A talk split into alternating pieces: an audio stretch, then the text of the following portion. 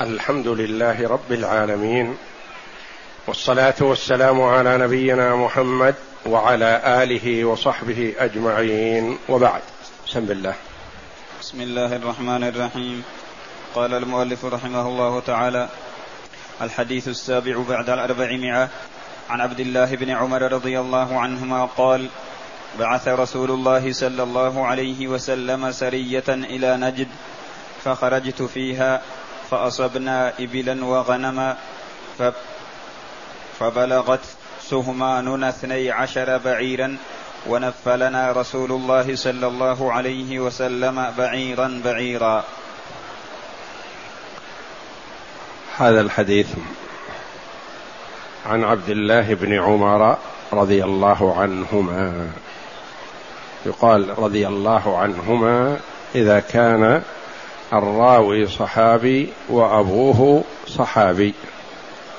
وإذا كان أبوه وجده من الصحابة يقال رضي الله عنهما عنهم. وإذا كان هو وحده صحابي يقال رضي الله عنه. قال بعث رسول الله صلى الله عليه وسلم سرية إلى نجد.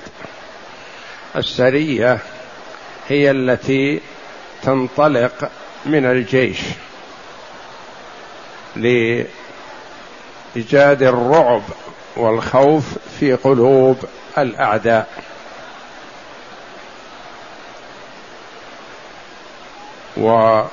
وللإمام أن يرسل السرايا وكذلك للقائد أن يرسل سرية جهة الشمال مثلا وسرية جهة الجنوب مثلا. ثم ما تغنمه السرايا هذه يكون للجيش عموما. إذا كانت منطلقة من الجيش الذي خرج لقتال العدو. أما إذا كانت السرية منطلقة من ديار الإسلام وحدها والجيش مقيم في بلاد الإسلام فما تغنمه السرية يكون لها كله بعد أخذ الخمس.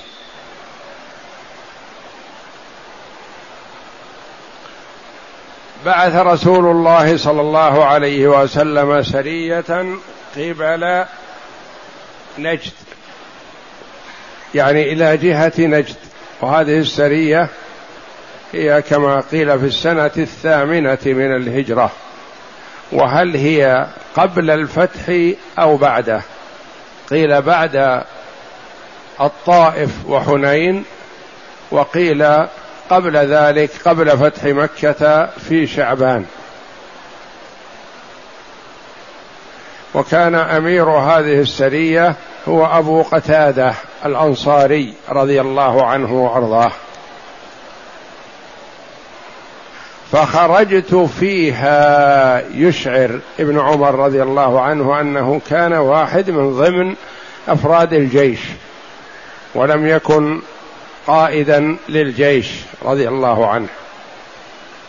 فأصبنا إبلا وغنما يعني أصابوا ظفروا بغنائم كثيرة من الإبل والغنم. جاء في بعض الأحاديث أنهم أصابوا مئتي بعير وألفي شاة. خير كثير. فبلغت سهماننا اثني عشر بعيرا.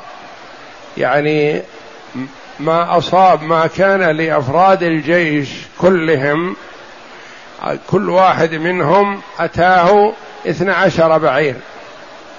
نصيبه من الغنائم.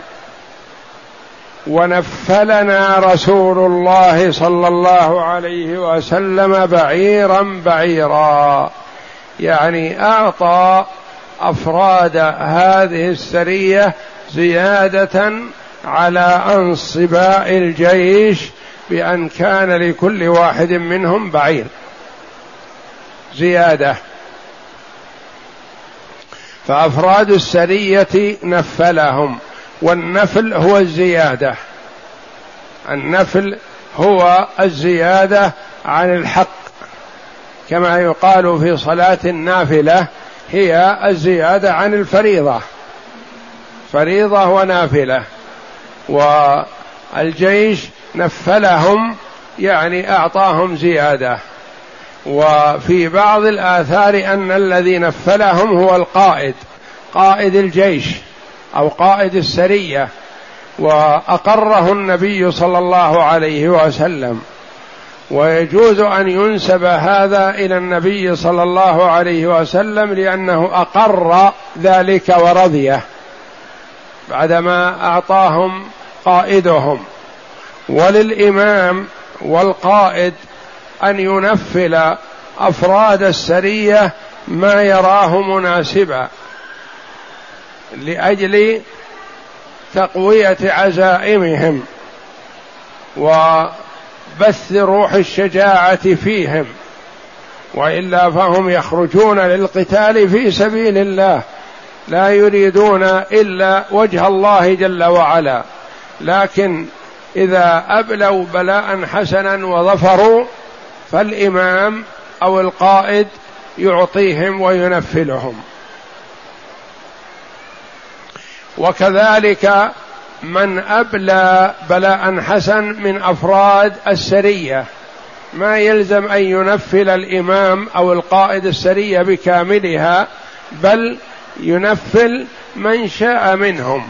من قتل مثلا زعيما وكبيرا من كبراء المشركين من كان له بلاء حسن في المعركة ونحو ذلك ينفله ليكون تشجيعا له وحافزا لغيره لبذل الجهد. ونفلنا رسول الله صلى الله عليه وسلم بعيرا بعيرا. ودل هذا على أن قسمة الغنيمة تكون على نظر الإمام. أحيانا يرى أن ينفل سرية أو ينفل أفراد أو ينفل القائد أو يعطي أحدا عطاء من هذه الغنيمة. وهل هذا العطاء من مجموع الغنيمة أم من الخمس؟ أم من خمس الخمس؟ أقوال للعلماء رحمهم الله. أقرأ.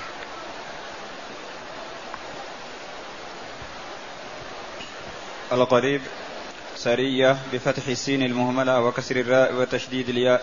هي القطعة من الجيش. قيل سمي السرية لأنها تنطلق سرا أو تنطلق ليلا فهي مأخوذة من السر يعني أنها يبعثها الإمام إلى جهة ما ولا يعلم عنها حتى إن كان فيه من يأخذ الخبر للكفار لا يدري أين اتجهت.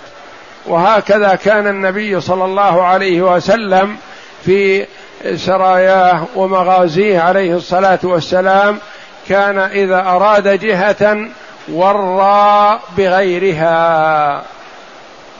مثلا كأن يكون أراد الطائف مثلا يأمر الجيش والمسلمين بالتجهز فيسأل عن طريق المدينة يقول مثلا المياه في طريق المدينة كذا أين أحسن ما يكون الورود إلى إلى أي ماء وهكذا يسأل. ما يقول نبي نروح للمدينة أو نذهب للمدينة؟ لا. وإنما يسأل عن طريق المدينة وهو يريد الطائف مثلا. إذا أراد جهة ورى بغيرها فهو هذه سيرته عليه الصلاة والسلام حتى ما تصل الأخبار إلى الأعداء فيستعدون. فيباغتهم عليه الصلاة والسلام وهو لا يقاتلهم مباشرة وإنما يطلب منهم الإسلام. فإن أسلموا فهذا هو المراد. وإن لم يسلموا فلا يخلو. إن كانوا من أهل الكتاب فيطلب منهم الجزية. فإن دفعوا الجزية فلا يقاتلهم. وإن كانوا من غير أهل الكتاب فيطلب منهم الإسلام أو يقاتلهم عليه الصلاة والسلام. وهذه سنته صلى الله عليه وسلم سوى غزوة تبوك. فإنه لما أراد تبوك لأنه يريد الروم والطريق بعيد والوقت حار والناس في حاجة وفقر فإنه جلاها للمسلمين وقال نريد تلك الجهة عليه الصلاة والسلام. وأما ما عداها فإنه يوري.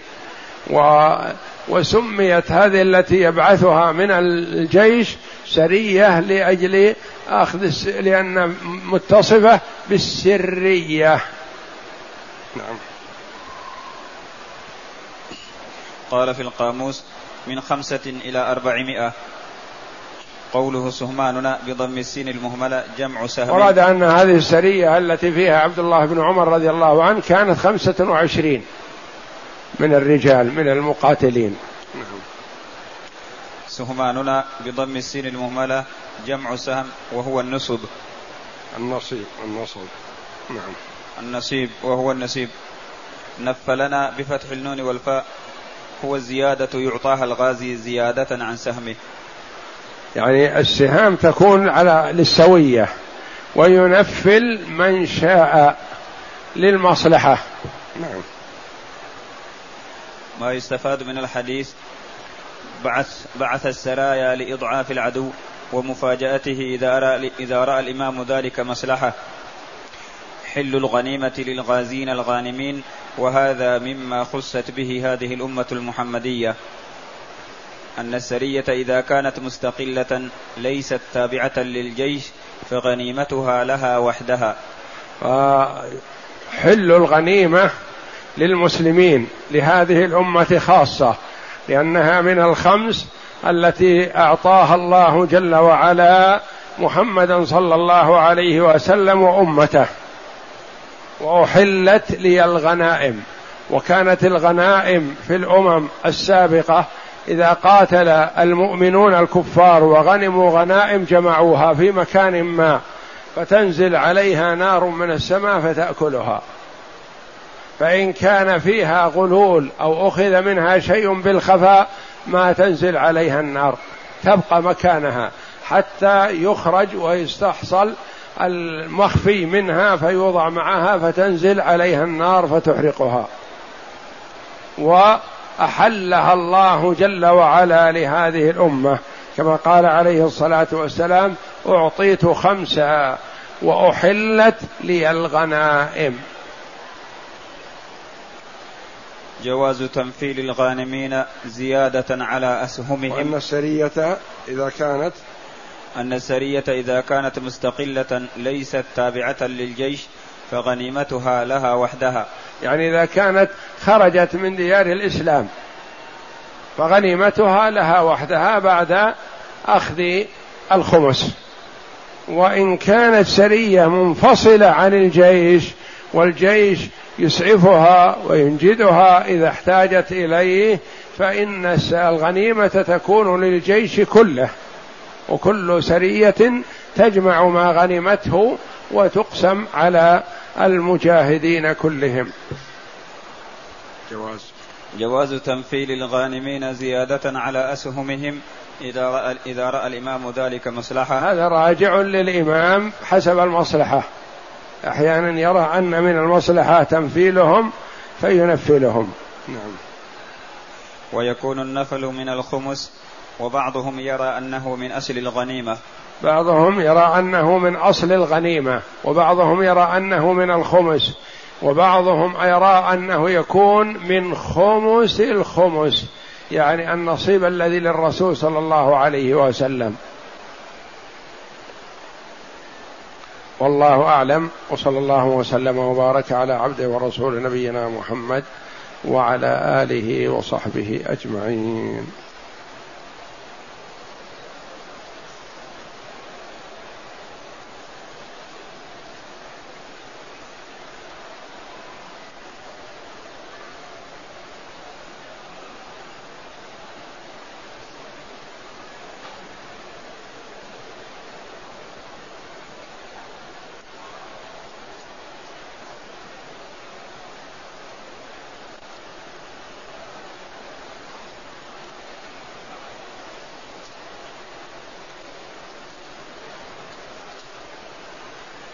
يقول السائل ما هو الأفضل للنساء في البيت؟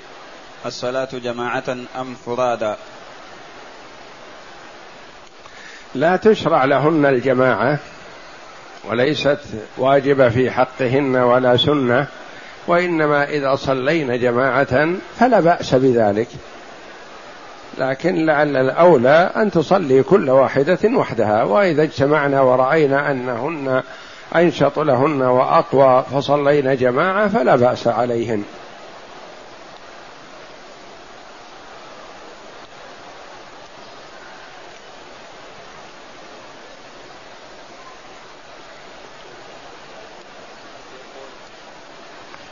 يقول ما الحكم في الحالات الآتية؟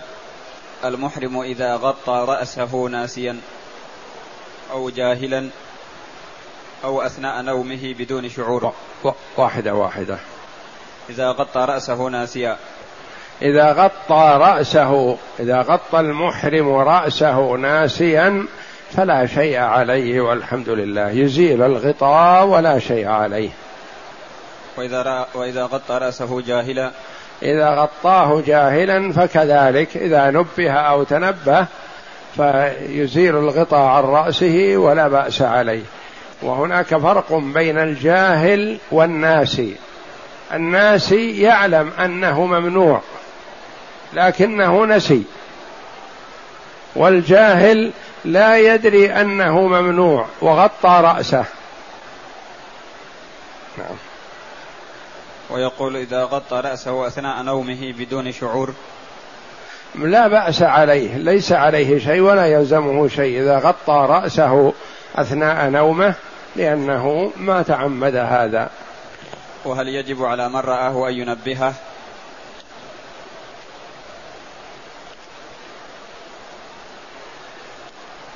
إذا رأيت من وقع في مخالفة فيحسن أن تنبهه تعلمه.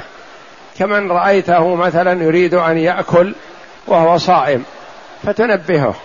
رأيته غطى رأسه ناسيا أو جاهلا فتنبهه. تعلمه.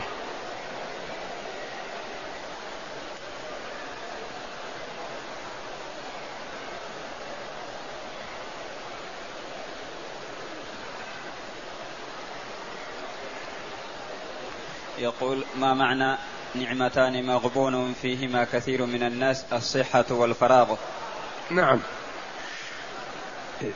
نعمتان نعمة الصحة. يعطي الله جل وعلا عبده القوة والنشاط والصحة في بدنه وقدرته على التصرف. هذه نعمة عظيمة. إذا استغلها المرء في طاعة الله ربح. وإذا ضيعها أو ربما استغلها في معصية الله خسر.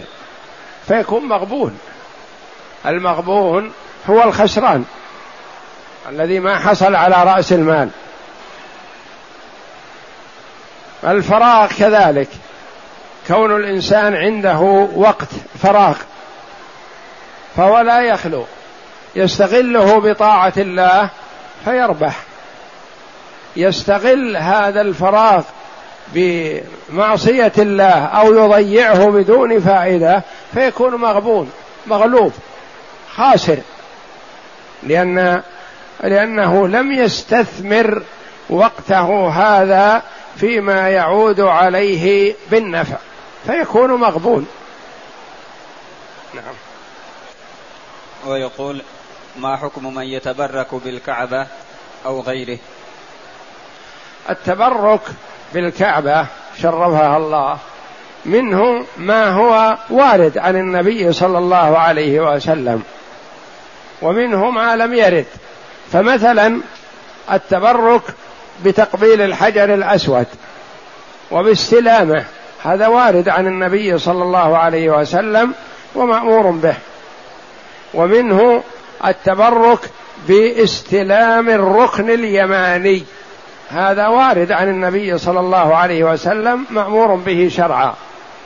الالتزام يلتزم ما بين الركن الذي فيه الحجر الأسود والباب أو ما بين الركن الذي فيه الحجر الأسود ومدخل الحجر من جهة الباب.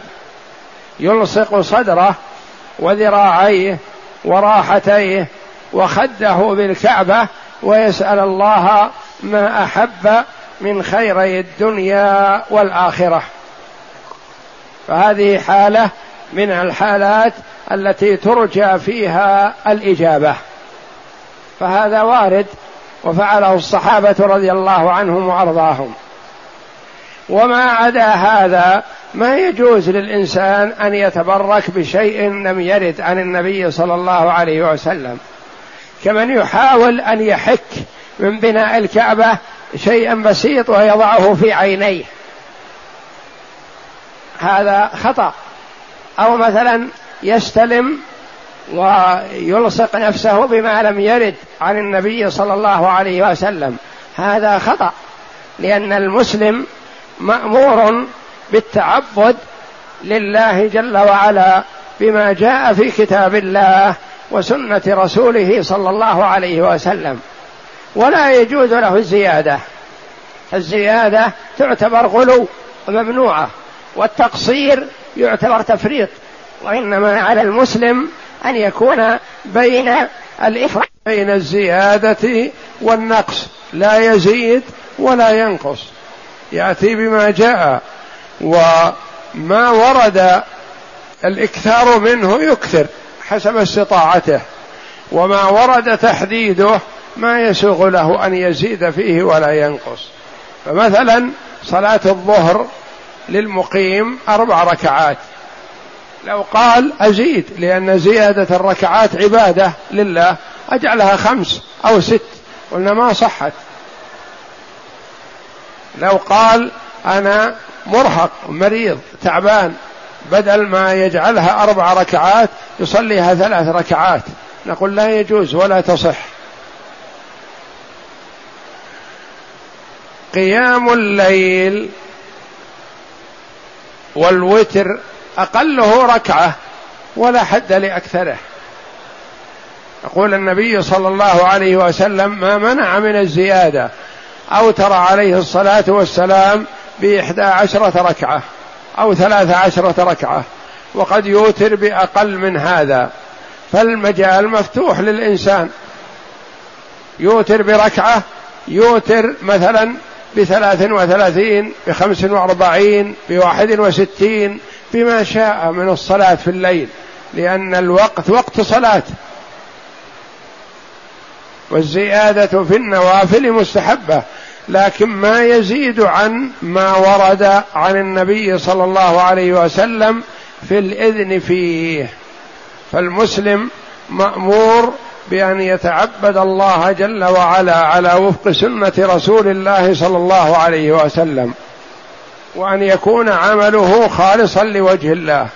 فأي عمل يعمله المسلم لابد أن يكون مشتمل على شرطين أساسيين. أولهما إخلاص العبادة لله. ثانيهما تجريد المتابعة للنبي صلى الله عليه وسلم. يقول الله جل وعلا فمن كان يرجو لقاء ربه فليعمل عملا صالحا ولا يشرك بعبادة ربه أحدا. فليعمل عملا صالح يعني موافق للسنه ولا يشرك بعبادة ربه أحدا مجانب للشرك بعيد عن الشرك. يكون خالص لوجه الله. يكون خالصا صوابا. وقد جاء تفسير قوله جل وعلا ليبلوكم أيكم أحسن عملا. قالوا أخلصه وأصوبه. وكلما كان العمل خالصا لوجه الله صوابا على سنة رسول الله صلى الله عليه وسلم نفع بإذن الله. وإذا لم يكن كذلك ولو كثر. كما قال الله جل وعلا وقدمنا إلى ما عملوا من عمل فجعلناه هباء منثورا. لا قيمة له. يظنون أنه ينفعهم وهو لا ينفع لأنه إما أنه ليس بخالص لوجه الله أو ليس بصواب على سنة رسول الله صلى الله عليه وسلم. يقول هل الفقر ابتلاء من الله؟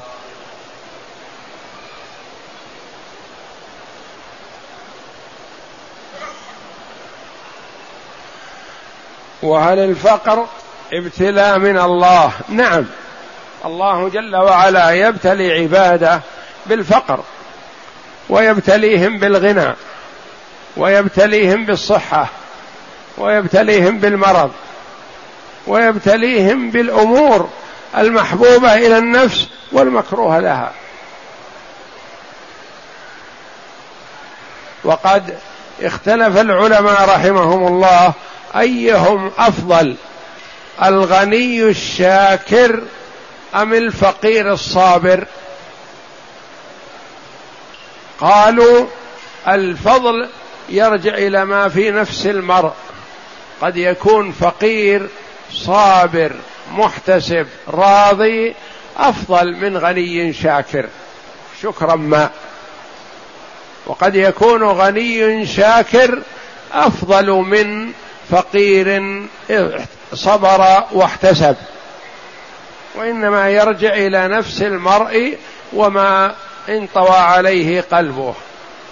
ونبلوكم بالشر والخير فتنة وإلينا ترجعون. فيبتلي الله جل وعلا العباد بالخير والشر. إنما أموالكم وأولادكم فتنة. المرء يعطى الولد ويعطى المال وهو في فتنة. والفتنة ليس فيها ضرر وإنما هي مثل الامتحان في نهاية العام الدراسي. لابد يمتحن الطالب. هذا ياخذ مئة في المئة وهذا ياخذ صفر. فالخسارة في الإخفاق في هذا الامتحان. وأما الامتحان والابتلاء يقال هذا مبتلى. مبتلى مبتلى بالنعمة. هذا مبتلى بما فيه من المرض والحاجة والفقر ونحو ذلك. مبتلى كلهم مبتلى. لكن من المبتلين من يخرج بنتيجة عظيمة وهي إن كانت البلية بنعمة يصرفها في طاعة الله ويستعن بها على طاعة الله فينال الدرجات العلى. وإن كان الابتلاء بمصيبة يصبر ويحتسب ويرضى فينال الدرجات العلى. وكما اشتكى فقراء الصحابة رضي الله عنهم للنبي صلى الله عليه وسلم بقولهم ذهب أهل الدثور بالأجور. يعني أعطوا الأموال وأخذوا الأجر عنا. قال وما ذاك؟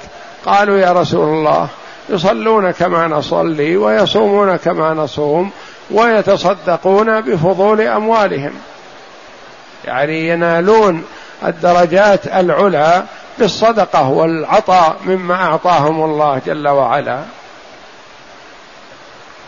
فأخبرهم النبي صلى الله عليه وسلم بما يتصدقون به وهو التسبيح والتحميد والتكبير لله جل وعلا والصبر على ابتلاء الله جل وعلا لعبده بالفقر والحاجة فينال الدرجات العلى.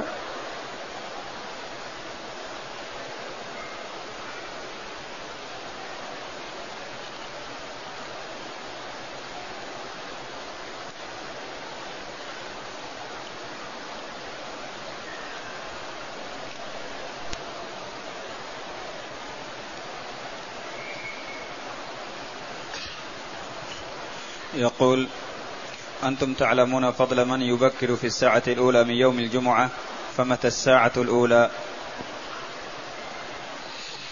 اختلف العلماء رحمهم الله في الساعة الأولى والساعة الثانية. الساعة الأولى كمن قرب بدنه والساعة الثانية كمن قرب بقرة والساعة الثالثة كمن قرب كبشا إلى آخر ما جاء في الحديث. الساعة الخامسة كمن قرب بيضة. فاختلف العلماء رحمهم الله في هذه الساعات متى تبدأ. أهي من طلوع الفجر أم من طلوع الشمس أم من الوقت المعتاد الذي تعود الناس فيه الرواح إلى الجمعة؟ أم هي من بعد الزوال تبدأ الساعة؟ قال بهذا بعض العلماء. قالوا تبدأ الساعات من بعد الزوال لأنه قال من راح والرواح يكون بعد الزوال. فمحل خلاف بين العلماء رحمهم الله وكلما بكر المسلم لصلاة الجمعة فهو على خير وعبادة وقربة لله جل وعلا.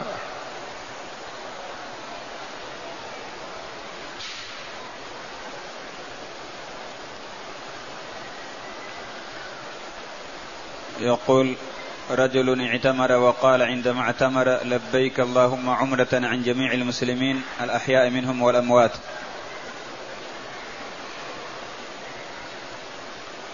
إذا اعتمر المسلم عن عموم المسلمين الأحياء والأموات تكون العمرة له. له هو. لأنه ما يسوغ للرجل أن يعتمر عن اثنين. ما يصلح أن يعتمر عن أبويه لأن العمرة تكون عن واحد. العمرة تكون عن واحد فقط ذكر أو أنثى ولا تكون عن مجموعة.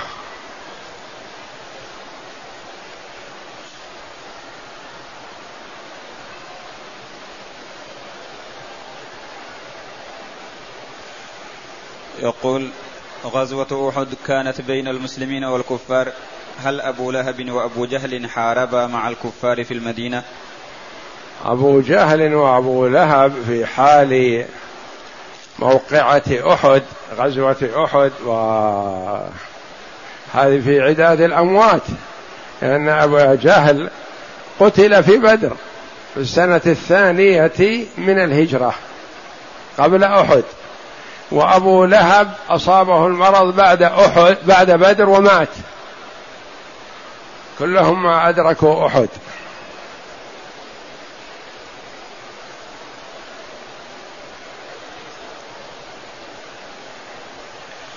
يقول ما حكم من نسي قراءة التشهد الأول وهو مأموم؟ فلما قام الإمام ذكر أنه لم يقرأ. عليه أن يقوم مع الإمام ويتحمل الإمام سهو المأموم عن قراءة التشهد ولا يتخلف عنه. يقرأ التشهد والإمام في الركعة الثالثة مثلا بل يقوم مع الإمام. ثم إن كان مسبوقا بشيء فعليه أن يسجد لهذا السهو. وإن كان قد دخل مع الإمام من أول الصلاة فلا يسجد لسهوه. المأموم يسجد لسهوه إذا كان مسبوقا سواء كان سهوه مع الإمام أو بعدما انفرد عن الإمام. وأما إذا دخل مع الإمام من أول الصلاة فإنه لا يسجد لسهوة وإنما يسجد مع الإمام إن سجد الإمام للسهو.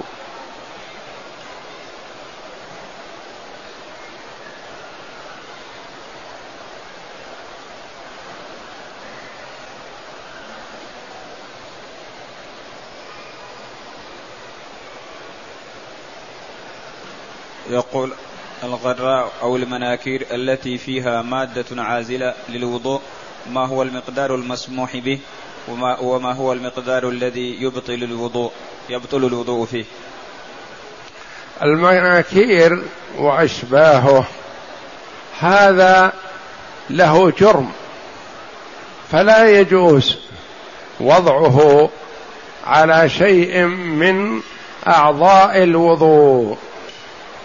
كالأظافر واليدين والراحة مثلا والرجلين لأن هذا له جرم يمنع وصول الماء إلى البشرة بخلاف الحنة.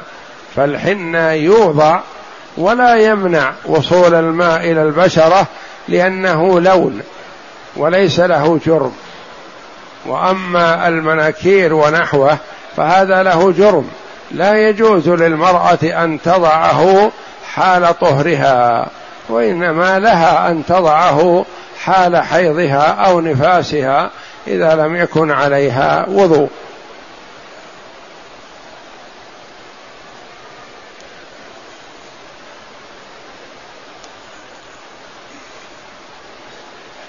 يقول ما هي صفات الداعية إلى الله؟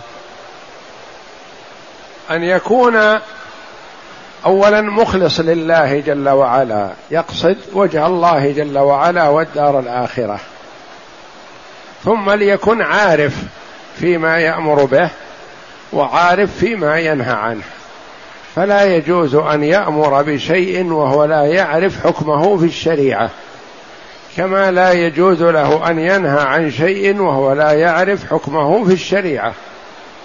يكون على علم وبصيرة فيما يأمر به وينهى عنه ليكون أمره ونهيه موافقا للشرع